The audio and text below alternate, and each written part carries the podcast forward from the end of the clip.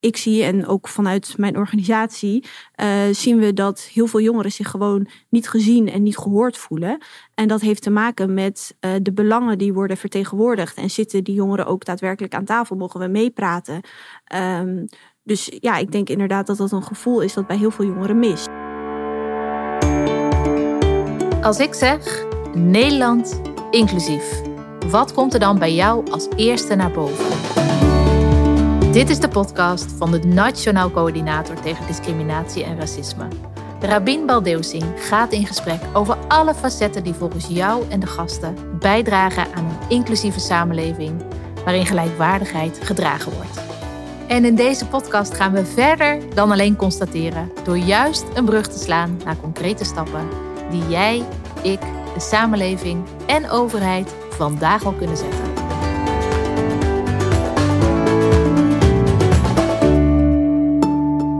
Ja, vrienden, ik heb nu Jasmin uh, uh, aan tafel. Jasmin uit uh, Abderrahman. Mm -hmm.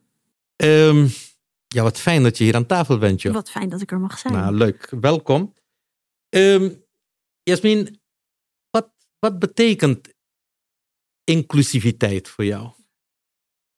Ja, wat een grote vraag is dat eigenlijk. Inclusiviteit. Um, Als ik tegen jou zeg Nederland inclusief. Ja wat er dan in mij opkomt. Ja. Nou, jij stelde echt een paar seconden voordat wij begonnen met opnemen, stelde je de vraag: vind jij Nederland inclusief of is Nederland inclusief? Ja. Uh, ik denk dat dat best wel een moeilijke vraag is om te beantwoorden. Omdat als, ik denk dat als je zegt dat uh, een land of een, een organisatie of een instituut inclusief is, dat je daarmee zegt dat, uh, dat je oog hebt voor iedereen, altijd. En ik denk eigenlijk dat dat nooit het geval is. Het, het kan niet zo zijn dat je altijd voor iedereen oog hebt en dat iedereen zich altijd veilig voelt. Uh, ik denk dat het een probleem is op het moment dat je denkt dat je dat wel bent. En dat is waar we het vandaag ook over hebben gehad, is dat hele idee van neutraliteit. Uh, daar geloof ik niet zo in. Ja, maar een land als Nederland hè, zou toch denk ik niet alleen beleid, mm -hmm. maar instituties, scholen, maar ook ministeries moeten hebben. Ja. Die in ieder geval uitstralen wie je ook bent, waar je ook vandaan komt, je hoort er gewoon bij. Ja, absoluut. Dat is dan toch ook die inclusiviteit. Ja, ja. Maar denk jij dat dat altijd zo is op dit moment? Nee, op dit moment uh, nee, denk ik niet. Zeker als ik, jullie zie. Maar daar zouden we toch naar moeten willen koersen, neem ik aan. Ja, hè? dat denk ik wel. Om te voorkomen dat we in deze podcast alleen over een gelijkwaardige Nederlandse samenleving praten, delen we ook graag het geluid en antwoord vanuit onze samenleving op de vraag als ik zeg Nederland inclusief, wat zeg jij dan?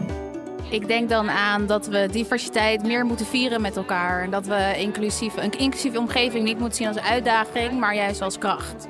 Ik denk voornamelijk aan een nieuwsprogramma. Het klinkt heel erg als de naam van een nieuwsprogramma, als ik eerlijk ben. Nou, ik denk dat Nederland de tolerantie moet hervinden maar nog niet uh, gelijkwaardig.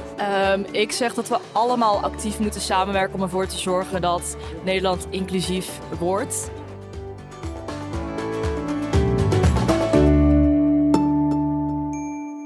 Je bent geboren hier, getogen in Nederland. Ja. Is Nederland jouw land? Zie jij Nederland als jouw land? Ik denk dat als je hier bent geboren en opgegroeid, dat het onvermijdelijk is dat Nederland jouw land is. Ja. Maar herken je jezelf ook in dat Nederland dan, wat, wat er nu is? Uh, voel je je overal welkom? Voel je je ingesloten als het ware? Nou, ik denk dat er wel heel veel mensen zijn die dat gevoel steeds minder hebben. Uh, en dat een deel van dat probleem ligt in hoe wij met elkaar omgaan, maar ook in um, hoe wij Nederland georganiseerd hebben. Bijvoorbeeld als het gaat om politiek, als het gaat om het maken van beleid. Uh, ja, ik zie en ook vanuit mijn organisatie uh, zien we dat heel veel jongeren zich gewoon niet gezien en niet gehoord voelen. En dat heeft te maken met uh, de belangen die worden vertegenwoordigd. En zitten die jongeren ook daadwerkelijk aan tafel? Mogen we meepraten? Um, dus ja, ik denk inderdaad dat dat een gevoel is dat bij heel veel jongeren mist. Ja. Je, je, je zit bij Young and United. Ja. Uh, ja, een organisatie die niet alleen oog heeft voor jongeren, hè? Mm -hmm. maar ook jongeren plek wil geven. Ja. Hoe gaat het? Hoe gaat het ermee? Um, ja, ik, ik ben dus voorzitter van FNV Jonge United. Dus wij zijn de jongerentak van uh, vakbond FNV.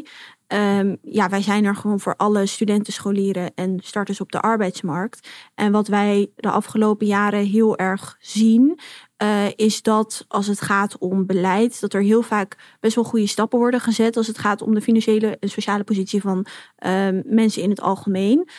Um, maar dat dat vaak, uh, nou, vaak is het gewoon niet genoeg. En zeker als het gaat om jongeren, die worden echt heel vaak uitgesloten of achtergesteld. Ik denk dat onze luisteraar nu zegt van, Jasmin moet nu een voorbeeld geven. Ja, Geef een voorbeeld. Nou, ik kan heel veel voorbeelden opnoemen. Een goed voorbeeld is, uh, nou, als we het hebben over de financiële positie van jongeren, ja. uh, de energietoeslag. Alle groepen in de samenleving krijgen energietoeslag als je dat nodig hebt. Studenten worden daarvan uitgesloten. Um, en dat, de enige reden dat je daarvan wordt uitgesloten is student. Nou, daar hebben wij ons heel boos over gemaakt. En nu heeft het kabinet op Prinsjesdag gezegd van we maken 35 miljoen euro vrij om studenten ook energietoeslag te geven. Maar er zitten allemaal voorwaarden aan. Bijvoorbeeld dat je een eigen energiecontract moet hebben of dat je eerst heel veel moet lenen voordat je überhaupt hulp mag krijgen. Um, waardoor heel veel studenten dus helemaal geen aanspraak kunnen maken op die toeslag. Uh, dus nou, het is mooi dat die 35 miljoen vrij wordt gemaakt, maar heel veel jongeren hebben daar dus helemaal niks aan. Een ander voorbeeld is het minimumloon. Uh, heel veel jongeren, vooral jongeren die van het MBO komen, um, ja, die, die verdienen het minimumloon. Dat gaat nu met 10% omhoog. Maar jongeren onder de 21 die krijgen helemaal geen volwassen loon. Als je 18 bent, dan krijg je de helft van het loon voor het, precies hetzelfde werk als iemand van 21 of ouder, omdat je valt onder het jeugdloon. Dus aan die verhoging, ja, daar voel je bijna niks van. Dus dat zijn twee voorbeelden. Ik kan er nog wel meer op noemen, uh, maar ik zie jou al kijken. Nee, nee, ik, ik, ik, ik, ik, ik kijk begeisterd naar je. En dan denk ik van waar haalt deze dame de inspiratie vandaan? nou, Hoe ben je bij FNV Young and United beland? Ja, nou de inspiratie om al deze dingen op te doen hoef je niet zo ver voor te zoeken helaas. Ja. Dat is wel pijnlijk. Uh, uh, ja, hoe ik er terecht ben gekomen.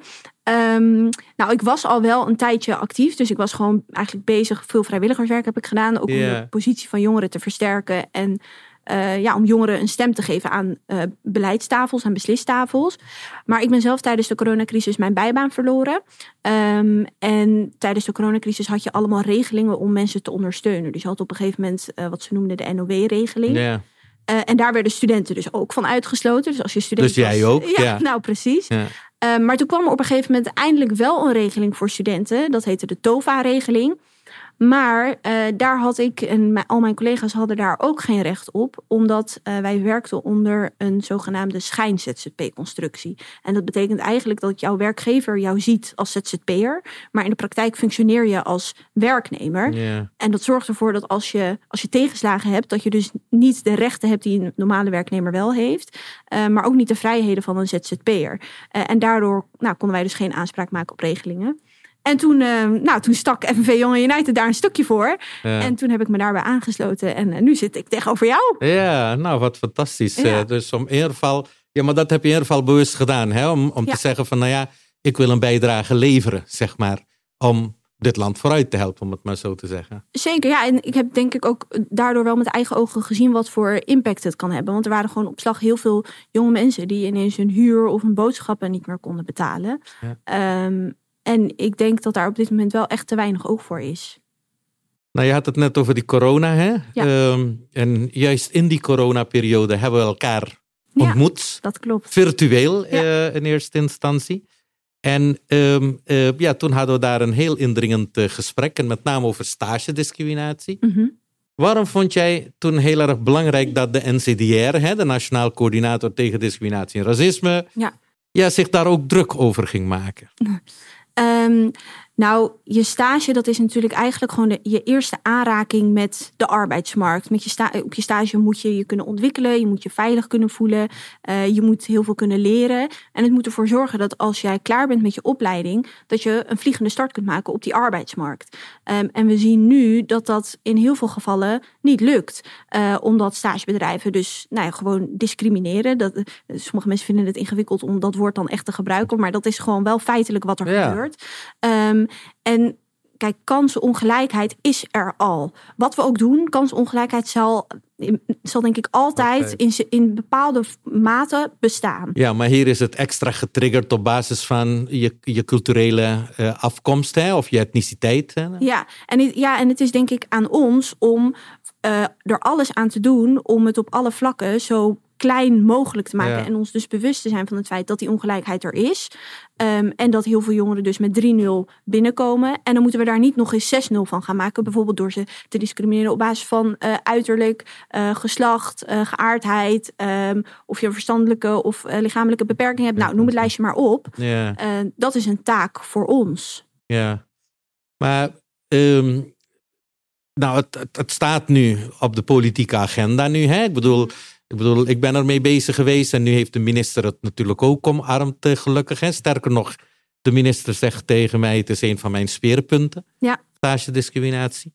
Eh, maar dan nog hè, zie je dat het nou, voorkomt. Hè? Afgelopen week nog hè, eh, eh, waren er, een- was er in ieder geval een heel indringend geval en zo. Mhm. Ehm, gaat dit ooit de wereld uit, joh? Gaan we erin slagen? Ja, wat denk jij? Nou, kijk, weet je. Ja, ik zeg altijd hè, eh, dat voor mij het glas half vol is en niet Ja. half leeg. Ja. Dus ik, ik denk het wel. Althans, misschien niet 100 Mhm. Maar ik denk dat, eh, ja, maar dat, eh, hè, dat we er wel in gaan slagen om het om, om in, in, in- tussen de oren hè, van bedrijven, maar ook van onderwijsinstellingen Ja. te geraken. Maar het gaat niet vanzelfsprekend. Ik denk dat, ik denk dat, ehm, ik, ja, ik, ik, ik, ik denk dat er wat actiepunten nodig zijn.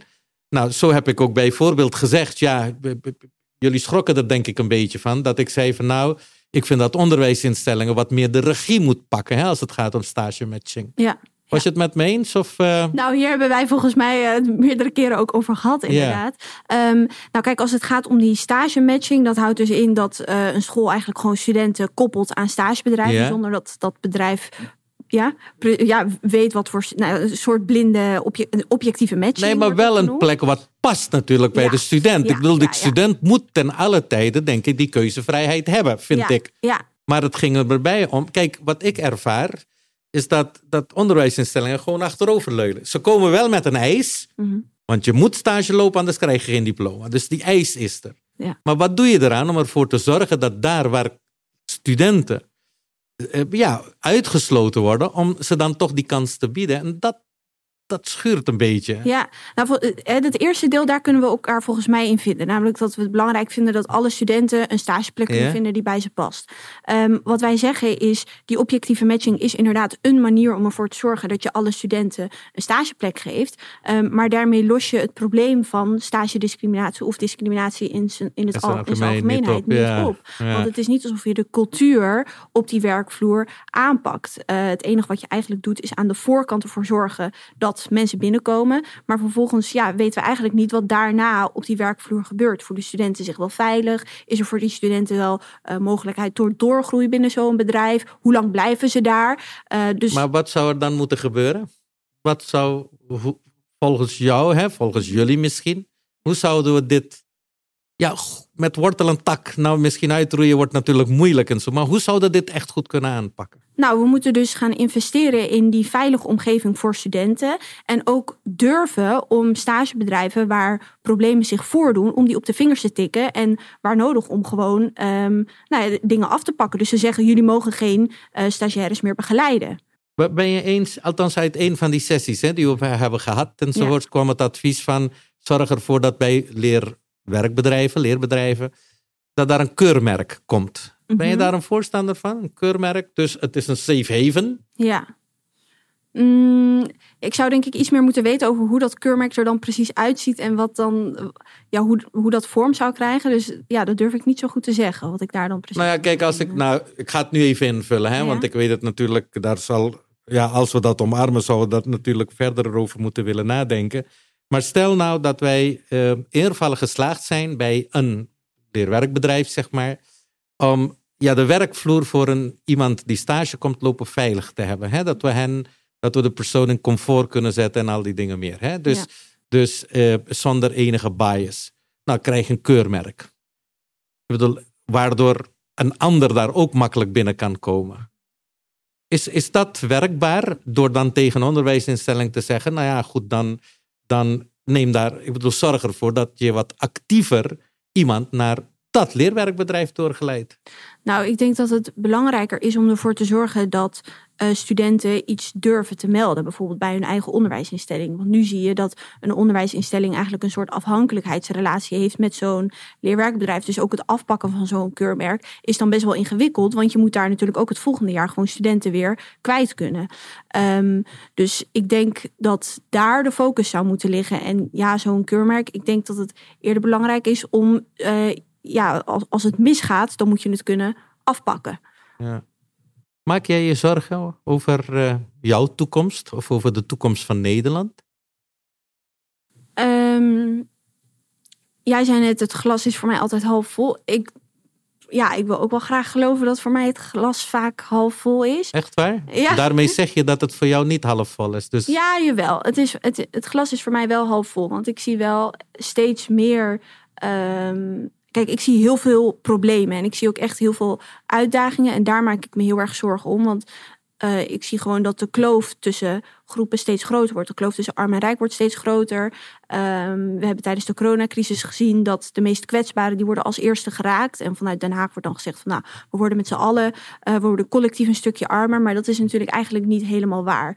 Uh, want we hebben ook tijdens de coronacrisis gezien dat nou ja, de rijkste mensen die, die zijn eigenlijk nog rijker geworden. Ja, ja. Dus daar maak ik me wel echt heel erg zorgen over. En de kloof tussen ja, wat is het? Tussen bicultureel Nederland ja, we en. Zijn steeds, hè? Ja, dus, we zijn steeds gepolariseerder, zeker. Ja. ja. Dus daar maak ik me wel uh, zorgen over. Ja, dus als je vraagt, maak je je zorgen? Ja, daar maak ik wel zorgen over. Ja, maar ben je hoopvol dan? Ja, Want dat is jouw wel... Nederland. Ik bedoel, jij bent jong. Ik bedoel, uh, jij bent aan het begin van, ja, je, wat is het? Je, nou, aan het begin van je leven, dat moet ik niet zo zeggen. Want je leeft al natuurlijk, maar je begrijpt wat ik bedoel. Van je leven. nou, uh, grijs, moet ik je zeggen. Nee, maar, maar, maar je begrijpt wat ik bedoel. ik bedoel, hey, je bent nu begonnen met je carrière en dat soort dingen meer. Um, laten wij, hebben wij goed voor jou gezorgd? Hebben wij goed voor Nederland gezorgd, zodat jij op een natuurlijke wijze gewoon erbij kunt horen? Of hebben wij wat steken laten vallen?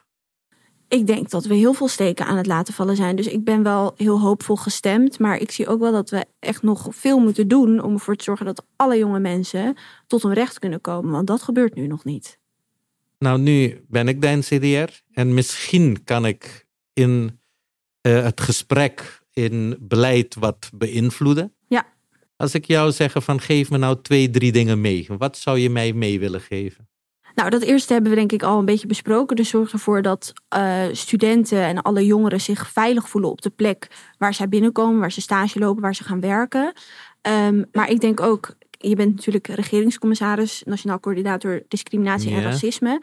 Maar ik denk dat uh, een thema zoals discriminatie of iets als racisme, dat dat onlosmakelijk verbonden is met uh, de sociale en financiële positie van mensen. Uh, dus als je het bijvoorbeeld hebt over MBO-studenten uh, of ook HBO-VO-studenten, die, ehm, nou, die op bepaalde vlakken gediscrimineerd worden, daar zit vaak heel veel meer achter. Het gaat niet alleen om de etnische achtergrond, maar het gaat vaak ook om uit wat voor, e-, in wat voor economische omstandigheden ben je opgegroeid. Dus ik zou zeggen, investeer ook in die financiële basis, want dat kan mensen ook heel, en kan niet, dat, dat ondersteunt mensen ook heel erg in uh, hun emancipatie. Ja, dus ge, ge, geef eens een voorbeeld. Uh, uh, dus als je in armoede zit, ja. dan zeg jij tegen mij nu, je bent niet zomaar in armoede gekomen, want daar zitten heel veel andere aspecten uh, bij die eigenlijk geregadeerd moeten worden, die die getackeld moeten worden. Ja, wat ik zeg is, als je, nou, om het voorbeeld van in armoede opgroeien uh, dan maar even te pakken. Dat is niet alleen dat je uh, het niet breed hebt. Dat zorgt er ook voor dat je misschien in een minder goed geïsoleerd huis woont. Dat, dat heeft weer invloed ja. op je gezondheid. Dat betekent dat jouw kinderen of jijzelf uh, misschien minder vaak gaan sporten. dus ik denk dat je die. Um, ja, wat, intersectionaliteit is misschien het goede woord. Ja. Dat je die intersectie daarin eigenlijk niet kunt missen. Ja. Nou, hartstikke mooi. Zeer veel dank in ieder geval voor, uh, voor, voor dit gesprek. Jij gaat nog even door als voorzitter van Young United. Zeker. Ja? Is daar een termijn aan uh, gebonden? Ja, in principe tot, uh, tot en met mei 2023. Oké. Okay. Nou, blijf inspireren. Ja. Shukran. En ja, salam alaikum. dankjewel. Oké, okay, dankjewel. Oké, okay. okay, tot ziens. heel erg bedankt voor het luisteren. En als laatste nog even dit. Een inclusieve samenleving is iets van, voor en door ons allemaal. Heb jij een concreet idee dat hier aan bij kan dragen? Stuur dan een direct message, oftewel een DM, via Instagram of LinkedIn naar bureau NCDR. En laat ons ook nog even weten via social media of een review wat je van deze aflevering vindt.